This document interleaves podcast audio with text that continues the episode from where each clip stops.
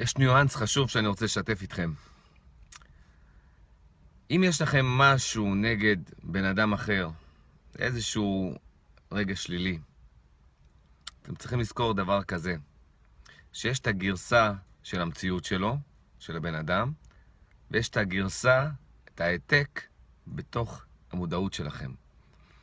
וזה ניואנס מאוד מאוד חשוב שאנחנו לא מבחינים בו. בגלל המעורבות הרגשית, אנחנו חושבים שזה אותו דבר, אבל זה לא אותו דבר. אם הבן אדם לא נמצא פיזית לידינו, זה אומר שאנחנו מתעסקים בראש עם ההעתק שלו, ההעתק הווירטואלי שלו.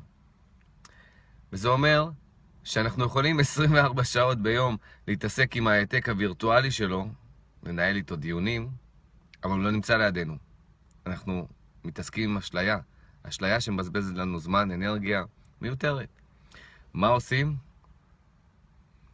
יש לנו שליטה על מה שקורה במודעות שלנו, יש לנו שליטה על מה שקורה בפנים, בדמיון שלנו. אנחנו משנים את הגרסה הזאת. אנחנו מאחלים לו טוב, רואים את זה מסתדר, או בכלל שמים אותו, יש כל מיני טריקים. שמים אותו באיזה בועה ומפריחים אותו, ונשארים עם המודעות הריקה. יש כל מיני טריקים, אבל חשוב לעשות איזושהי, איזושהי מניפולציה בפנים, בתוכנו, כי אנחנו לא מתעסקים פה עם הבן אדם האמיתי, אנחנו מתעסקים עם ההעתק הווירטואלי במודעות שלנו.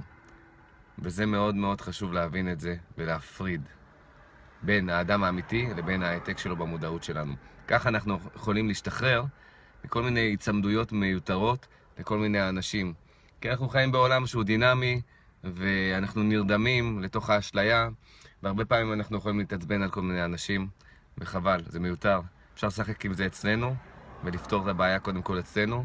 והיופי הוא, שאם נפתור את זה אצלנו, אנחנו נופתע לגלות, חלקנו נופתע, למי שלא מכיר את החוקים האלה ואת הדינמיקה הזאת, שהבן אדם גם במציאות כבר לא מטריד אותנו.